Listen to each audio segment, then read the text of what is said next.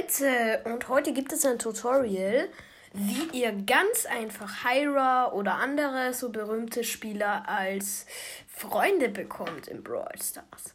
Ja, ihr geht dabei auf Google. Ich bin gerade auf Amazon, weil ich hole mir wahrscheinlich den Glummi um 30 Euro.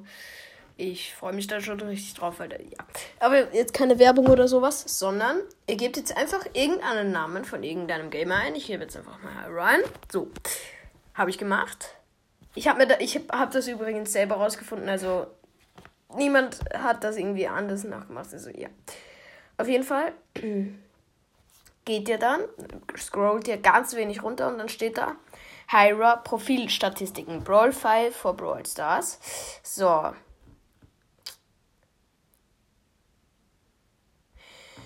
Dann lädt das kurz und dann steht das da. Dann steht der Hyra, Profilbild und alles. Und drunter steht der Freundescode. Den könnt ihr dann ganz easy eingeben. Und habt, dann schickt ihr ihr eine, ihm oder ihr halt eben eine Freundesanfrage.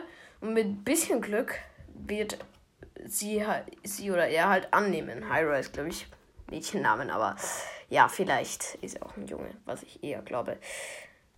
Auf jeden Fall könnt ihr so ganz viele verschiedene Spiele, auch RZM zum Beispiel, als Freunde bekommen. Er hat Feng zum Beispiel jetzt gerade ziemlich hoch, Mortis, äh, Grom, Bibi natürlich, Tara und sowas.